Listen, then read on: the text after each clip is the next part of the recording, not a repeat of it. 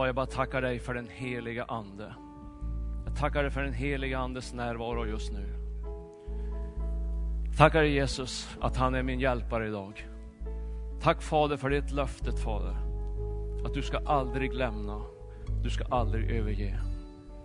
Tack att du är min hjälpare, du är min styrka. Tack Fader att du är till för oss var och en idag Jesus. Åh Jesus, jag bara prisar dig Jesus. Vi bara prisar dig idag Jesus, för att du är så stor. För att du är så mäktig Fader. Åh Fader, vi, allt vi behöver har vi dig Jesus. Åh Fader, vi vill bara upphöja dig. Kungars kung och herrars herre idag Jesus. Fader, ditt namn som är över alla andra namn Fader. Ditt namn som är över problem som vi kan nämna Fader. Ditt namn som är över sjukdom Jesus. Åh Fader, jag bara tackar dig Jesus. Att i ditt namn är det största namn vi kan nämna Jesus. Fader, jag ber dig för var och en som är på mötet idag Jesus. Jag ber dig att du heliga Ande, ska komma med ett ord till någon idag Jesus. Det är bara du som kan göra en skillnad. Det är bara du heliga Ande som kan göra en skillnad. Utan dig vore vi ingenting. För det är du som är skillnad mellan världens barn och Guds barn. Det är den heliga Ande. Så jag bara tackar dig Jesus för förmånen att få kallas ditt barn idag Jesus. Att vara frälst av nåd idag Jesus. Att få sina synder förlåtna idag Jesus. Att vi får vara på väg till himlen Jesus. Gud, vi bara prisar dig. Vi bara prisar dig Jesus. Får du se om det är någon här idag som inte har mött dig Jesus. Tack Fader att du står med din öppna famn Fader. Och bara säger välkommen. Välkommen. Fader jag bara tackar dig Jesus. Vi förväntar någonting ifrån dig Jesus idag. Inte från någon annan utan ifrån dig Jesus. Så vi bara lämnar det här mötet i dina händer. I Jesu namn. Amen. Halleluja. Halleluja Jesus. Varsågod och sitt. Jag har en liten röd tråd genom den här predikan. Och vet du vad det är? Det är att Gud är densamme. Hebreerbrevet 13.8 säger att jag är densamme idag, precis som jag var igår. Precis som för 40 år sedan. Eller just i gårdagen bara. Jag är densamme idag. Och jag kommer att vara densamma imorgon också. För jag vet att jag kan inte förändra, säger Gud. Ibland så tror vi att Gud har förändrat sig. Att Gud svarar inte på mina böner, men han svarar på alla andras böner. Men inte på mina böner. Det är någonting man kan få för sig. Men vet att det finns det är en fiende som sår någonting in i ditt hjärta som säger så. Det är inte från Gud. Det står i fjärde Mosebok 23.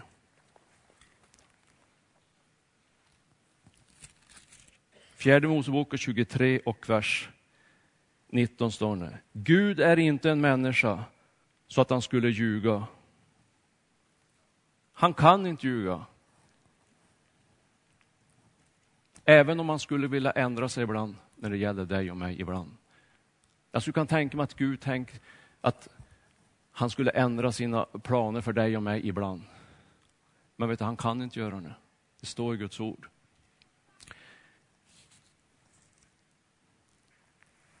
Om vi skulle ta det där på 100 procent, att det skulle få sjunka ner i våra hjärtan 100 procent, att Gud är densamme, han kan inte förändras, så tror jag att många saker skulle se väldigt annorlunda ut.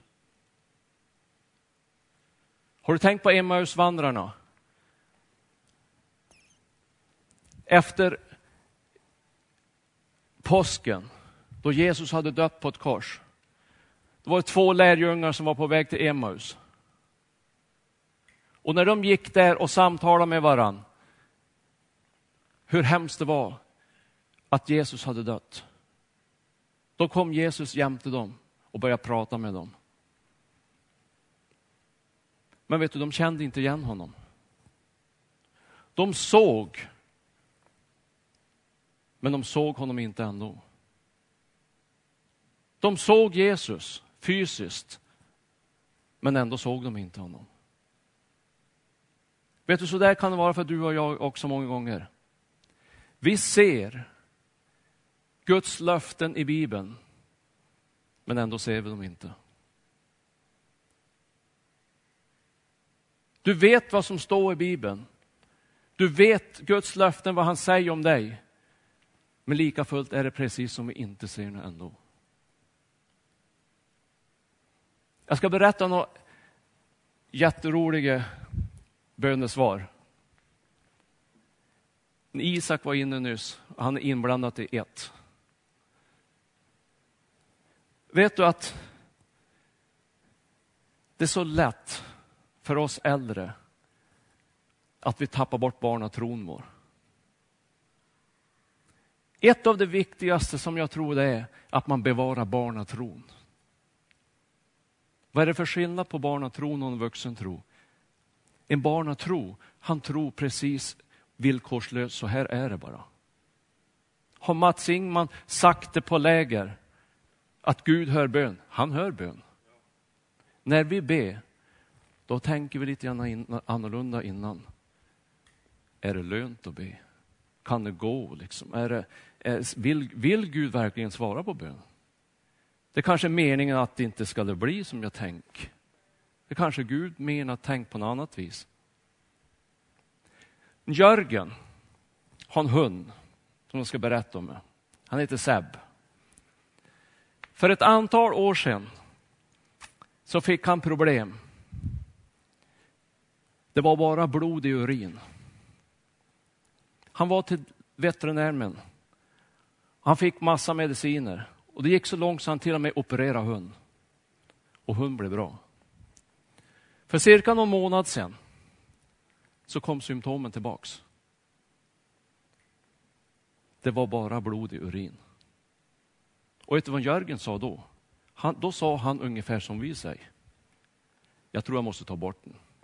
Han är ju så gammal. Ah, och se, nu, nu har den sjukdomen kommit tillbaka. nu går det inte längre. Vet du. Det är nog bara att ta bort den. Det är ungefär så vi säger många gånger. Ingen börda på Jörgen för det, för det gör vi allihop. Men vet du, han hade två barn och en flicka till som var hemma där. Som hörde det där. Som satt bredvid. Pappa ska ta bort en Seb. Vad gör vi då? Vet du vad de gjorde? Efter ett tag så kom en Jörgen in på deras rum. Då stod de på knä alla tre och bad. De bad för en Seb att han skulle bli frisk. Och Seb var dålig. Han låg slokörad, hade svans mellan benen och bara pinka blod. Då är det inget roligt. Söndag morgon tror jag det var. Då var Seb fullt frisk. Det är en månad sedan. Det kallar jag för barnatro. Det är lite skillnad på barnatro och vuxentro. Nu ska vi få höra ett annat härligt exempel från vuxentro. Det var företagsträff här för någon vecka sedan, par veckor, tre veckor sedan. Då träffade jag en som heter Gunnar Jonsson. Han är ägare av PJ Jonsson och Söner uppe i Bilsta som har en fabrik där som tillverkar krossanläggningar. Och de tillverkar våldsamma grejer, det vill jag bara säga. Jag vet inte hur många ton dessa grejer väg. De är så stora som går inte att köra på gummihjul utan de måste ha larv, järnlarver. I varje fall så har de gjort en sån där koloss. Jag vet inte hur många miljoner, jag törs inte ens gissa hur mycket den kostar, men det är många miljoner. Gjort en sån där koloss. Skulle skicka ner till Göteborg med trailer. Kom ner till Göteborg, skum på en båt där. Om han skulle till Kina eller vart han skulle, det vet inte jag för att han går över hela världen. När de kom ner till Göteborg och ställen framför båten ska in, lossan av trailern och köra av en trailern och in det på båten där, då får de inte av den. Då ringde de från Göteborg till Gunnar och så säger de så här, vi får inte av krossanläggningen. Ja men sa Gunnar, det är väl ingen sak. Du gör si och du gör så, och tryck på det knappar där och så har du några joystickar där och så bara kör du ut den. Och de höll på timme på timme, timme på timme. De fick inte av en trailern och båten skulle gå. Om Gunnar börjar få panik, vad gör vi? Hur ska vi få av en av trailern och få den på båten? Båten ska ju iväg. Vad kostar det? Det kostar ju flera hundratusen om inte jag får iväg den. Vet du vad han gör? Han far till bönecellen som de har i Överhörnes. Nu måste vi be för krossanläggningen som de får av på i Göteborg. De bad för han. Och han hoppade i bilen och tänkte inte mer på det. Det var tyst nerifrån där, de ringde aldrig någon mer. Hoppade in i bilen. Då han var på väg hem, då är det en man som ringer. Är det du som är ägare till P.A. Jonssons söner? Ja, sa han. Hör du, jag ser dem på kajen här, de har problem, de får inte av trailern.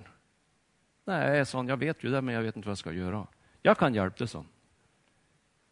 Han gick bara dit och bara körde av och körde in på båten.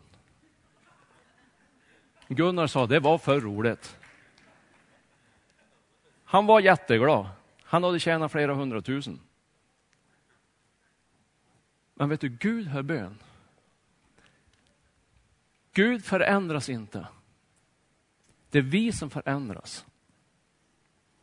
Vi ser nu på Guds löften. Det finns hur många löften som helst. Markus 11 står nu.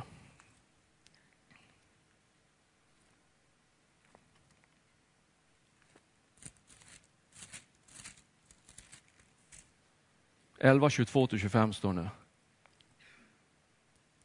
Jesus svarade dem, tro på Gud, amen, jag säger er. Om någon säger till detta berg, lyft dig och kasta dig i havet och inte tvivlar i ditt hjärta, utan tror att det han säger ska ske dig, då skall det ske. Därför säger jag, allt vad ni ber om och begär, tro att ni har fått det, så skall det vara ert. Det är ett härligt löfte. Tro på Gud. Vet du, jag kom på mig många gånger själv att jag tror inte riktigt hundra procent det Gud sagt. Om du tar till exempel helande. Om du får ont i huvudet, vad gör du då? Du kastar det direkt på medicinskåpet. Ta en Alvedon.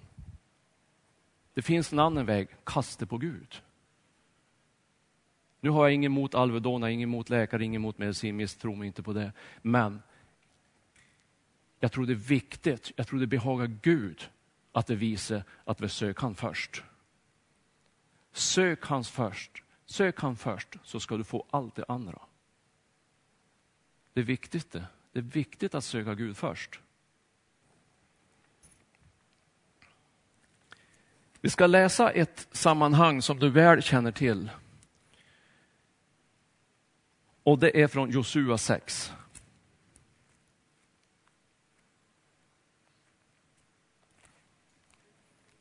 Som du vet så gillar jag att läsa ifrån Gamla testamentet och mycket berättelser där och jag tyckte om Jesus mycket.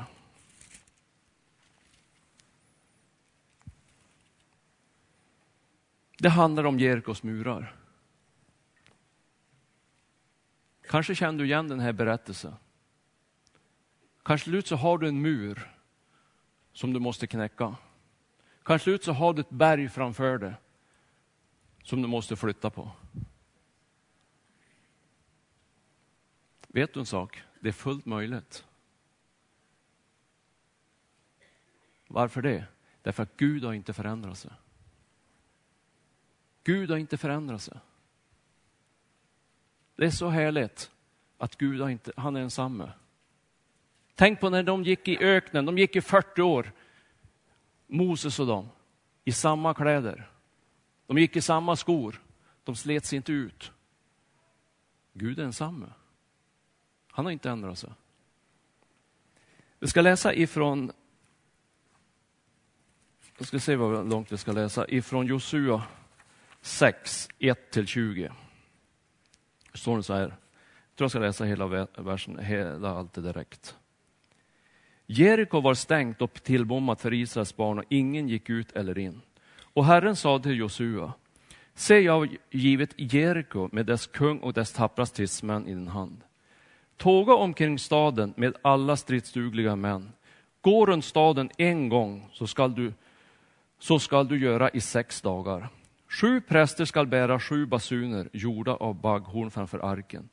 På sjunde dagen skall ni tåga omkring staden sju gånger och prästerna skall blåsa i hornen. När det blåser i baggens horn med utdragen ton och ni hör ljudet från hornet skall allt folk ge upp ett kraftigt härskeri. Då ska stadsmuren störta samman och folket skall dra in över den var och en rakt fram. Josua, Nuns son, kallade till sig prästerna och sade till dem Tag förbundsarken och låt sju präster bära sju basuner jorda och bagghorn framför Herrens ark. Till folket sade han, drag ut och tåga omkring staden. Och den beväpnade styrkan skall gå framför Herrens ark. När Josua hade sagt detta till folket gick de sju prästerna som bar de sju basunerna och bagghornen framför Herren iväg och blåste i hornen, medan Herrens förbundsark följde efter dem. Och den beväpnade styrkan gick fram för prästerna som blåste i hornen och det övriga folket följde arken, allt under det att det blåste i hornen. Men Josua hade sagt till folket, ni skall inte ge upp något härskri, inte låta er röst höras eller ens säga ett ord förrän den dag jag säger till er att ni skall ge upp ett härskri. Då ska ni göra det. När han hade låtit Herrens ark föras runt staden, runt omkring den en gång, gick de in i lägret och stannade där över natten.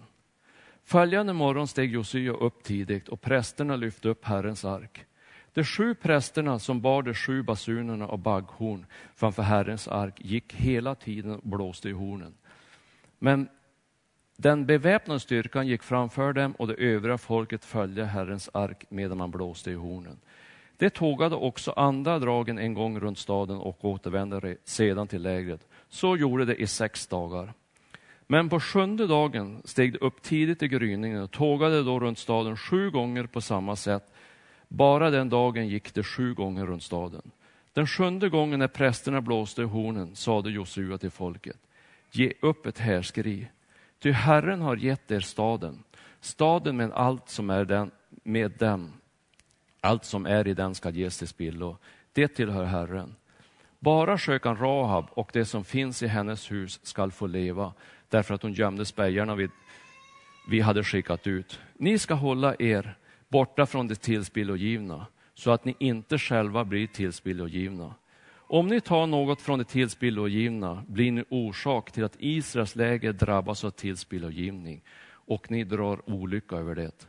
Allt silver och guld, allt som är koppar och allt järn skall vara helgat åt Herren och gå till Herrens skattkammare. Då upphävde folket det härskri och man blåste i hornen. Ja, när folket hörde ljudet av hornet upphävde ett häft, kraftigt häskriv.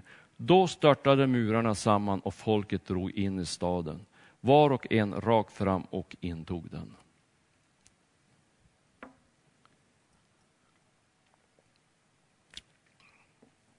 Har du tänkt vad som står i vers 2 här? Herren sa att Jeriko redan var besegrat. Det var Gud som sa det. Staden är besegrad. Innan de hade börjat gå. Varför skulle de gå då? Det kan man ju fråga sig. Bedugde del, vi ska gå sju varv. Vi ska gå i sex dagar. En gång varje dag. Och sjunde dagen ska vi gå sju gånger. Så alltså ska de gå tretton gånger runt staden. Vad i fridens alla dagar dugde till? Och så säger Herren i vers 2. Jeriko var redan besegrat. Det kan man väl tycka att det var liksom slöseri. Vet du att det är på samma sätt idag? Vad säger Jesus? Djävulen är besegrat. Den onde är besegrat. Satan har han trampat under foten. Men ändå är det en fight på varje dag. Vad beror det på? Jo, jag tror att det beror på det här. Varför sa Herren så här? Jeriko är redan besegrat. Har han inte sagt det till Josua så hade Josua aldrig gått. Han tänkte det är ju lönlöst. Ska jag gå runt den stan? Vet du hur stor muren var? På vissa ställen var den åtta meter tjock och åtta meter hög. Det satt spejare längst upp på muren, hela, runt hela muren.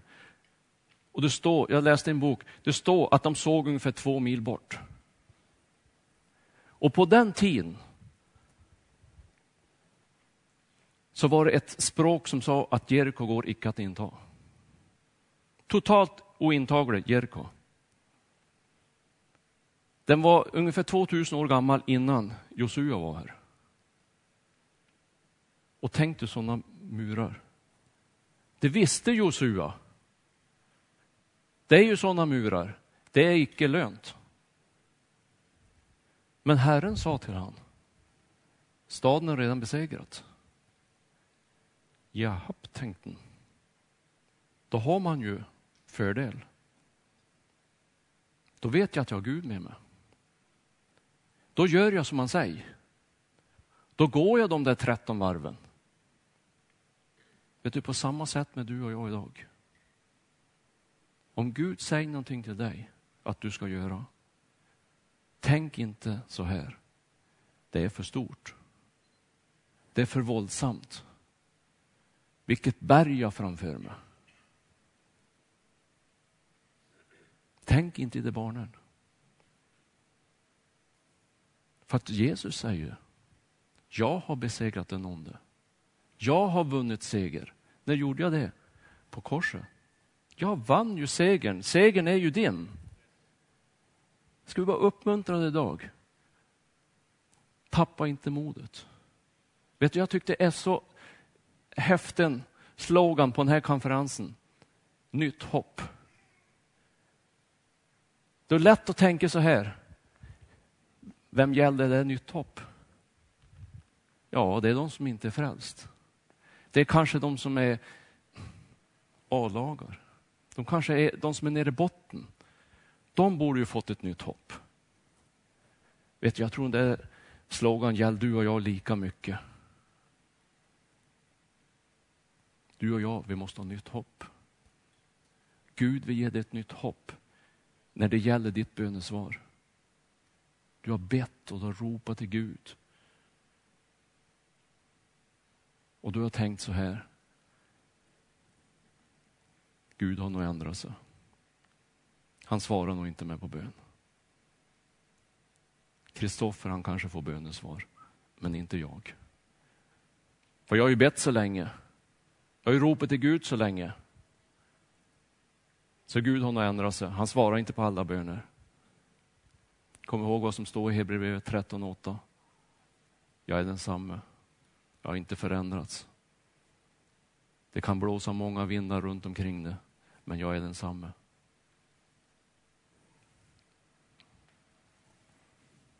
Jag, jag tror, jag är helt övertygad om att det var att Josua, att det var det som taggade han. Då han fick höra Herren sa, Jeriko i dina händer. Det här som är framför dig, det, det, det, det fixar jag. Men du måste göra en sak. Du måste vara noggrann, Du måste göra exakt vad jag gör. Säg till dig att göra. Tror du de tvivlar någon gång? Som du och jag kan göra. Helt övertygad. Tänk dig själv i situationen. Gå runt en stad. Mur som är åtta meter bred, åtta meter hög. Och ha den fantasin att den här muren ska rasa.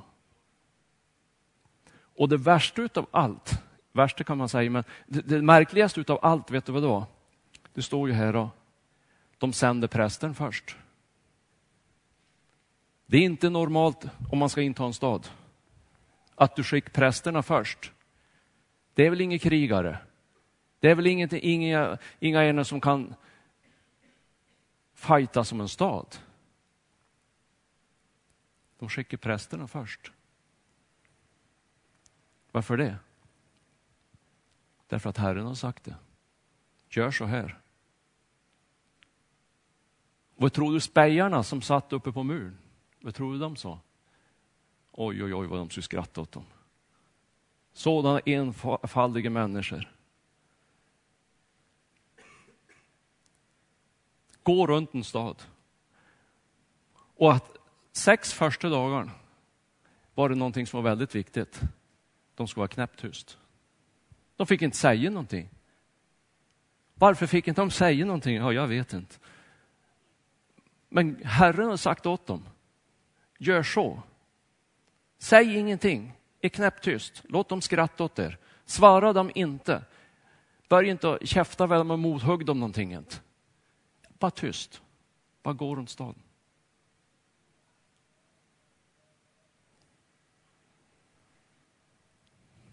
Vet, jag tror att det finns människor här idag som har en mur framför det. Precis som Josua hade. Men du vet inte hur jag ska krossa den. Kanske har du en kallelse på ditt liv. Men det har kommit en mur emellan Gud och dig. Kanske Gud har kallat dig att gå till Kina. Vad vet jag? Kanske du har fått ett profetiskt ord för 20 år sedan. Att du ska göra si, du ska göra så. Men det har kommit en mur emellan. Och så tänkte du så här, det är 20 år sedan, det kanske är 30 år sedan. Nu har min livssituation blivit på ett annorlunda sätt. Nu är det ju det här som gäller, barnen har kommit och det är allt möjligt. liksom. Men inte Gud har inte ändrat sig. Gud har inte ändrat sig. Det han har sagt, det är det som gäller. Det han har kallat dig att göra, det är det som gäller. Ingenting annat. Sen kan det blåsa många vindar runt omkring. Som de brukar säga, det rinner mycket vatten under broarna. Men Gud har inte ändrat sig, kom ihåg det. Det han har sagt, det har han sagt.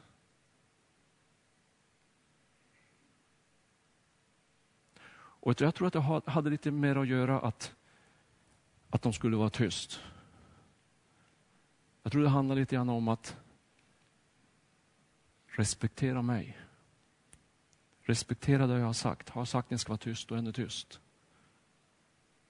Jag tror inte att murarna att de skulle fälla, något lättare om de, om de pratade eller om de var tyst. Jag tror inte det är det handlar om. Men ha respekt för vad Gud har sagt.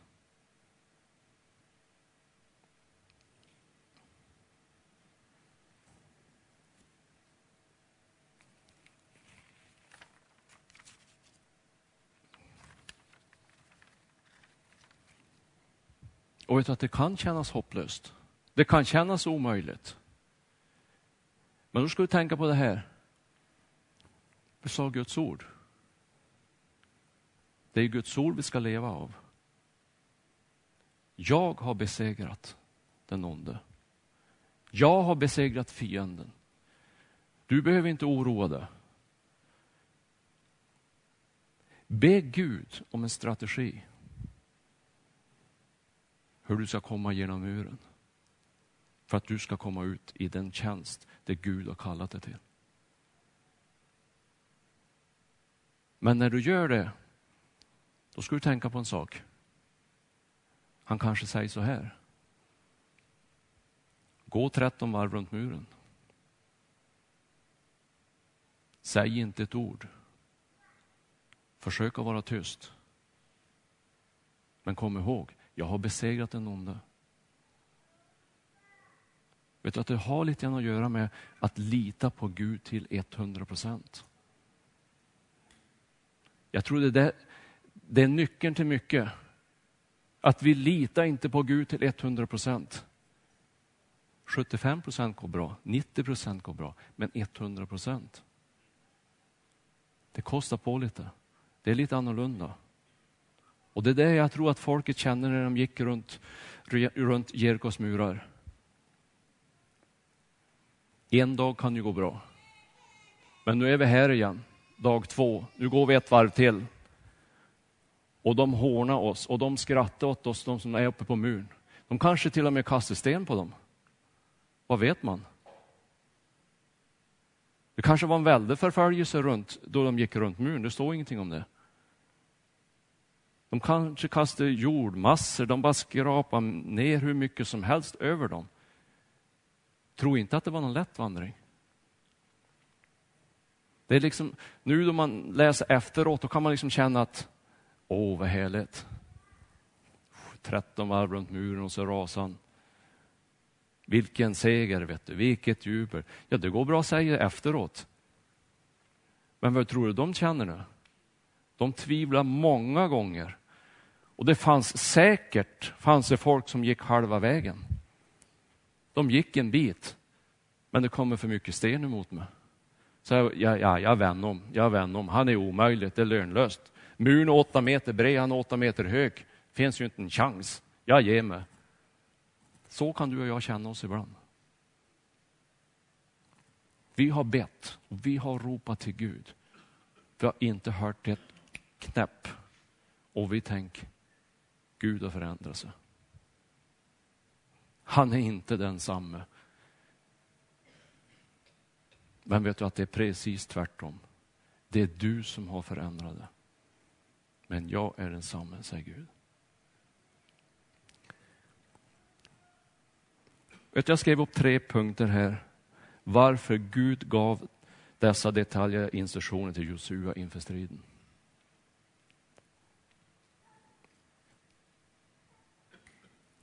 Varför gjorde han det? Jo, nummer ett har skrivit, Gud ville göra det fullständigt klart att utgången låg i hans hand och inte berodde på israeliternas styrka. Vet du vad det står i Sakarja 4.6? Icke genom någon människas styrka eller kraft ska det ske. Det var därför han skickade prästerna först. Det fanns ingen i den armén som gick runt som skulle kunna ta åt sig äran. Ja, det är vi, vet du, vi har muskler vi. Det är vi som knäckte muren. Nej. Icke genom någon människas styrka eller kraft ska det ske, utan genom min ande, säger Herren. Vet att det gäller också idag. Det gäller idag. Vi förmår ingenting. Du och jag, vi kan ingenting. Men med Guds hjälp så kan vi riva murar. Jag tror det finns en kör på det där. Med Guds kraft river vi murar. Nummer två skriver jag, Guds val av strategi ökade respekten och skräcken för Israel bland Jerikos invånare. Vet du att jag tror att de börjar bli nervösa, de som var på insidan. Vad är det på gång? De fick respekt inte från början. Från början kanske de hånade dem. Men till slut fick de respekt för dem. De menar allvar. De gav sig inte efter första dagen. Nu är de här igen, på sjätte dagen. De ingav respekt.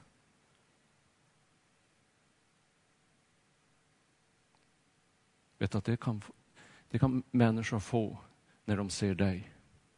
De kan få respekt för Gud. Därför att du går starkt med Gud. Men vet du, om du inte går starkt med Gud, om du haltar halva, halvtid ute i världen, halvtid inne, om du är liksom velet så här, du får ingen respekt. Du för ingen respekt med sig. Men lyft du blicken och du går. Jag har bestämt mig. Jag ska knäcka muren. Det inger respekt. Nummer tre skrev jag, den egendomliga taktiken var ett sätt att pröva israeliternas tro och villighet att fullständigt lyda Gud.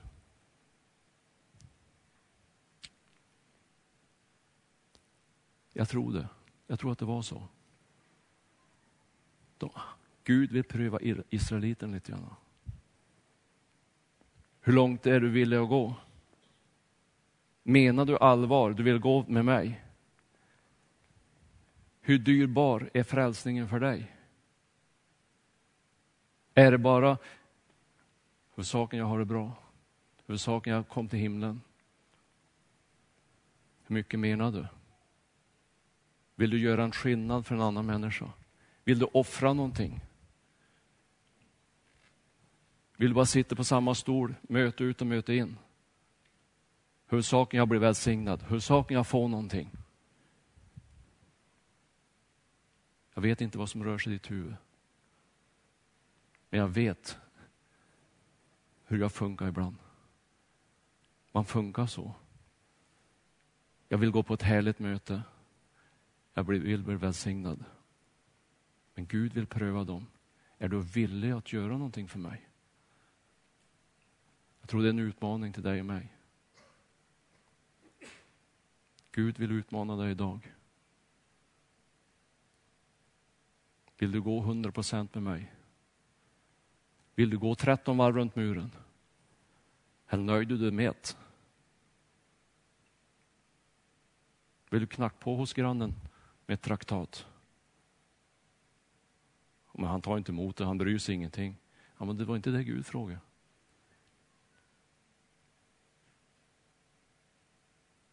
Vill du försöka göra en skillnad för en annan människa? Jag har ju kallat dig att vara människofiskare. Han sa ju en gång till dig, följ mig så ska jag göra dig till människofiskare. Och jag vet vad du sa, du sa ja. Jag vill följa dig. Och har du fiskat någon då? Har du kastat ut något spö då? Har du hovat in någon fisk då? Man kan ju inte säga att man är fiskare om man fiskar. Det är omöjligt. Jag kan inte säga att jag är jägare men inte jag jagar. Jag kan inte säga att jag är älgjägare, jag gossikar. Men jag har aldrig skjutit en älg. Det funkar ju liksom inte så. Har Gud sagt att han ska göra till människofiskare, då behöver inte du vara orolig. För det är icke genom människas styrka eller kraft det ska ske, utan bara genom min ande. Det är bara frågan, vill du följa mig? Det är det det handlar om.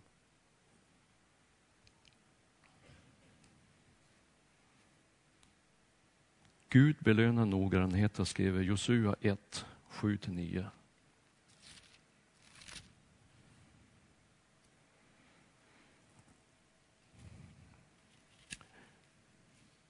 Ja, var stark och mycket frimodig så att du håller fast vid och följer all den undervisning som min tjänare Mose har givit. Vik inte av från den, vare sig till höger eller till vänster, så skall du ha framgång vart du än går.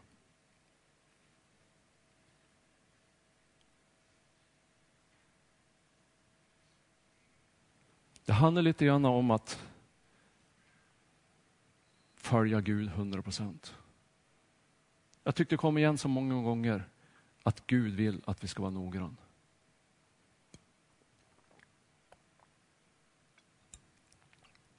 För att jag tänkte på det nu då vi sjöng den här kören, att Gud är helig. Han är helig. Det är inte vem som helst du tillber. Det är inte vem som helst du tjänar. Det är inte vilken kung som helst. Han är helig. Och han fordrar noggrannhet. Vet du, annars skulle han aldrig ha givit oss tio Guds bud.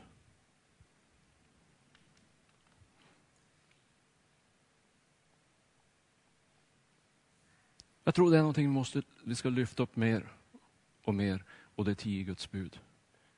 Han har inte skrivit tio Guds bud bara för att han tyckte det var roligt. Det fanns en syfte med det. Han sa inte att du ska helga vilodagen och sen ska du jobba på han. Jag tror, det var inte hans tanke. Det var ett syfte. Helga vilodagen. Då ska du leva länge. Hedra din fader och moder, det är då du ska leva länge. Det är många sådana där saker som jag tror är viktigt. Precis som de gick runt muren här. Var tyst. Men gå, men var tyst. Gud vill ska vara noggrann. Har han sagt du ska vara tyst, då ska du vara tyst. Har Gud sagt du ska ropa, då ska du ropa. Och han sa ju till dem till slut, sjunde dagen. Det är då, det är då det gäller. Ja, men jag kan ju ta trumpeten med mig andra dagen, då kan jag väl blåsa lite grann på trumpeten. Ni vet väl, det kan, kan ju vara någon sten som ramlar ner. Nej, sa Gud. Det är sjunde dagen. Det är då ni ska ha trumpeten med er. Och det är då ni ska ge upp härskriet. Vet du att det är lätt ibland att gå före Gud? Man kan spranga före Gud ibland. Och längst bak i bakhuvudet så vet man ändå vad Gud har sagt. Men ändå är det så lätt att man ska nästan hjälpa Gud liksom att ah, jag gör det här då. Det kan ju inte bli sämre av det. Jo, det kan det. Varför blir det sämre då? Därför att du inte lydde det Gud sa. Hur tror du de kände sig? När eh, Josua sa åt dem. Nu tar ju trumpeten med er. För att då, det är då vi ska blåsa kulmuren. Och då hade de gått i sex dagar och ingenting hade hänt. Inte en endaste liten sten hade ramlat ner. Han stod intakt. Tror du de tänkte så här? Japp, nu blåser vi till sig åkermuren hur lätt som helst. Jag tror inte det. Jag tror de hade lite tvivel. Ska ni löna sig? Ska ni duga till någonting? Vad duger till egentligen att jag gör det här? Har Gud sagt det, då duger det till mycket. Har han inte sagt det, då är det förkastligt. Jag tror det som bar dem, det var det här som de sa i vers 2. Staden är redan er. Och det var det som bar dem att de kunde göra nu. Annars var det totalt omöjligt. Mänskligt sett var det omöjligt. Mur som är åtta meter bred, åtta meter hög. Blåsa en trumpet och tro att han ska blåsa kull. Totalt omöjligt. Men de gick på Guds löften. Så och så är det för dig och mig många gånger. Det är totalt omöjligt. Men med Guds löften så går det. Det går. Vill du höra en heligt bönesvar igen? Jag, sa, jag ringde den Jörgen igår och så sa jag så här. Jag tror jag ska berätta om att då barnen dina eh, eh, bad, bad, ba, för en Seb att han blev frisk. Ja, gör det sånt. Men jag har ett ännu häftigare bönesvar. Jaså, sa jag. Det var inte dåligt. De var i fjälls i helgen. Påskhelgen. Och så hade han lovat barnen att de skulle fara och åka slalom en dag. Och Jörgen har ju en liten buss, minibuss. Och så var det på ett ställe, kommer de med, med, kommer de med bussen och så hade det runnit vatten över vägen så här. Så han fick hålla ut så väldigt liksom på fel sida. Och så var det löst där. Och hjulet sjönk ner. Tjofs, satt sådana. Då satt jag där. Öppnade dörren och tittade. Då var det lera alldeles upp under låda under dörren. Alldeles dumt. Ja, tänkte, nu är det väl då. Och en Isaksson, var, oj vad han tyckte var bedrövligt. Han skulle få åka slalom till en riktig slalomback. Och jag provade sa någon gång sån, och liksom tänkte att jag skulle kunna backa upp. Pytsa någon gång, det snurrade ungefär som bara blå isen. Det var ingenting, för han hängde stumt upp under. Ja, sa han åt barnen, sitt kvar i bilen så får jag och försöka få tag på en traktor och dra upp med. Ja, han for upp eh, några gårdar och for och lätt och nej, han kom tillbaks. Jag fick inte tag på en traktor. Vet du vad barnen hade gjort? De bad i bussen att det ska komma loss. Så då Jörgen kom tillbaka då sa de så här, du vet en Isak och så är det två barn som är mindre än han. Vi styr upp bussen. Och Jörgen sa, ja, säg dem, skrätt jag med lite ratten i varje fall. Han bara skrattade åt dem invärtes, men liksom, han såg ju på att de var, de hade bett. De, hade, de trodde Gud ska hjälpa dem upp, för de skulle få åka slalom. Jörgen satte sig i ratten och han sa, jag hann inte släppa kopplingen. Och barnen stod fram, så pytt var vi uppe direkt.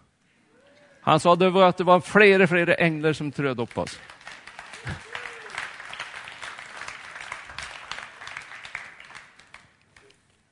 Jag tycker sådana där grejer är roliga att höra.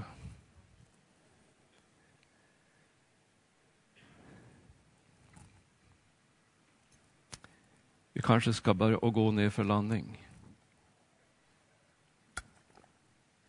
Men jag skulle sluta med att säga så här. Be Gud om en strategi hur du ska få bort berget. Hur du ska få bort sten. Hur du ska riva muren. För jag tror att var och en av oss som är här idag, vi har något hinder i vägen. Av ena eller andra slaget. Flesten av oss som är här, vi har barn. Och ibland kan det vara någonting med barnen, det kan vara någonting tjafs, det kan vara någonting så här. Och du känner att det är totalt omöjligt. Men jag skulle vilja bara säga så här. Lyssna in den heliga Ande. Lyssna in hans röst, vad han säger att du ska göra. Om då säger du, jag, inte, jag, jag kan ju inte höra det är så svårt. Jag skulle säga så här, det är inte alls så svårt. Det är lättare än vad du tror. Men det fordras en sak. Och det är träning. Lär dig att höra den heliga Andes röst. För kom ihåg, det är den heliga Ande som är skillnaden mellan världens barn och Guds barn. Det är vår hjälpare. Men ibland behöver vi träning. Och kom ihåg det. Den heliga Ande säger någonting.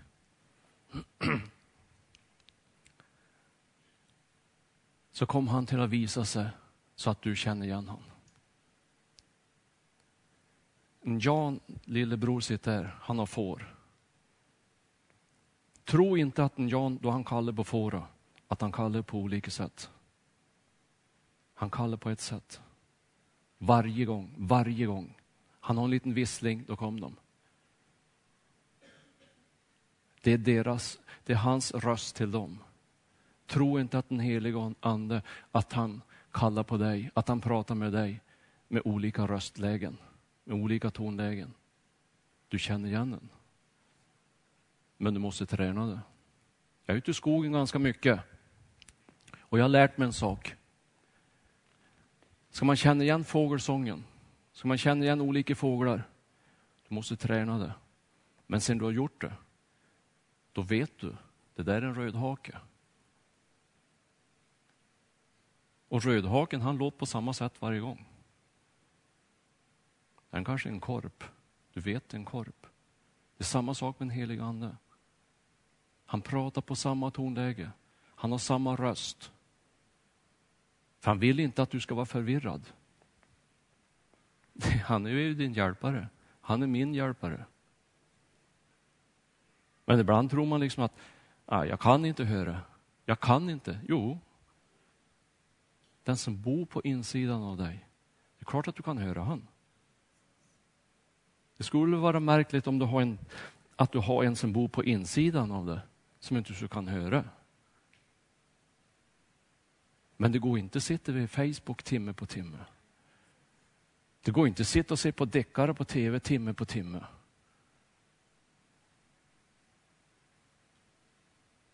Man måste disciplinera sig.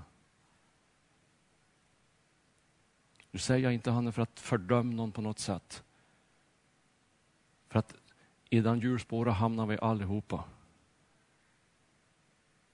Men heliga ande vill hjälpa oss.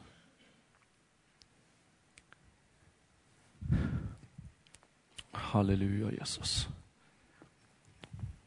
Jag tror vi ska börja knyta ihop säcken lite grann. Jag skulle bara säga så här att är du här idag och du känner att du har en mur framför dig. Han kanske är 20 meter hög. Han kanske är 20 meter tjock. I dina ögon så är det det största problemet på hela världen som finns. Med dina ögon kan det vara så. Då ska vi be för varandra. Det förebedjare här. Så vill att lovsångarna kommer upp. Och är du här idag och du är inte frälst. Ska vi bara säga, det är ingenting att vänta på. Du kommer aldrig att ångra det. Är du här och du har... Äh, det är någonting som har kommit mellan Gud och mig. Det har kommit någonting. Jag är frälst, jag går på möta. Det är inte det jämt. Men det brinner inte i mitt hjärta som förut. Det brinner inte på samma vis som det gjorde för tio år sedan. Det glöd. Det, det pyr någonting. Vi hade en brasa igår kväll. Vet du att det pyrde i den i morse? Det pyrde lite grann där. Men det var ingen eld. Det brann inte. Jag såg flera brasor, vi åker inte ner här. Det rök liksom ur dem. Man kan ju säga att det var liksom en brasa, men det brann inte. Gud vill att det ska brinna i våra hjärtan. Gud vill att du ska göra någonting för en annan människa. Gud vill att du ska stå i bräschen för nytt hopp för en annan människa. Det är en jätteviktig kampanj som vi ska ha om någon vecka. Du kan vara med och göra en skillnad för en annan människa. Du kan få vara ledande om människor till frälsning den här veckorna. Du kan få komma till himlen och få höra välgjort du gode trogne tjänare. Det är inte bara för någon viss stor predikant eller någonting. Det är inte bara för David Wilkerson som dog förra veckan. Det är för var och en kan få höra det. Ska vi stå på oss fötter?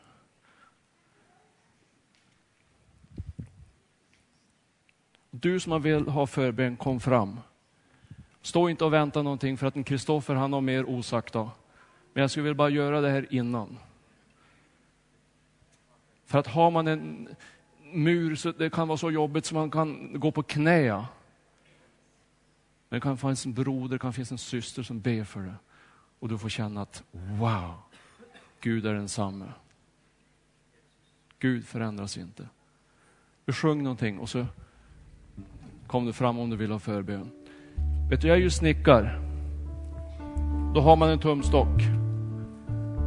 Jag har en predikan om en tumstock, tumstockpredikan, men den ska jag inte ta nu. Men vet du, jag har, jag har en tumstock som det står väldigt bra på. Det står så här. Inte en meter utan Jesus. Det är väl ganska bra? Inte en meter utan Jesus. För det kan vara livsfarligt. Du vet inte vad nästa meter innebär för dig. Det kan vara sista metern du går. Sjung. Helige Ande, vi är i din närhet. Fyll oss med din kraft.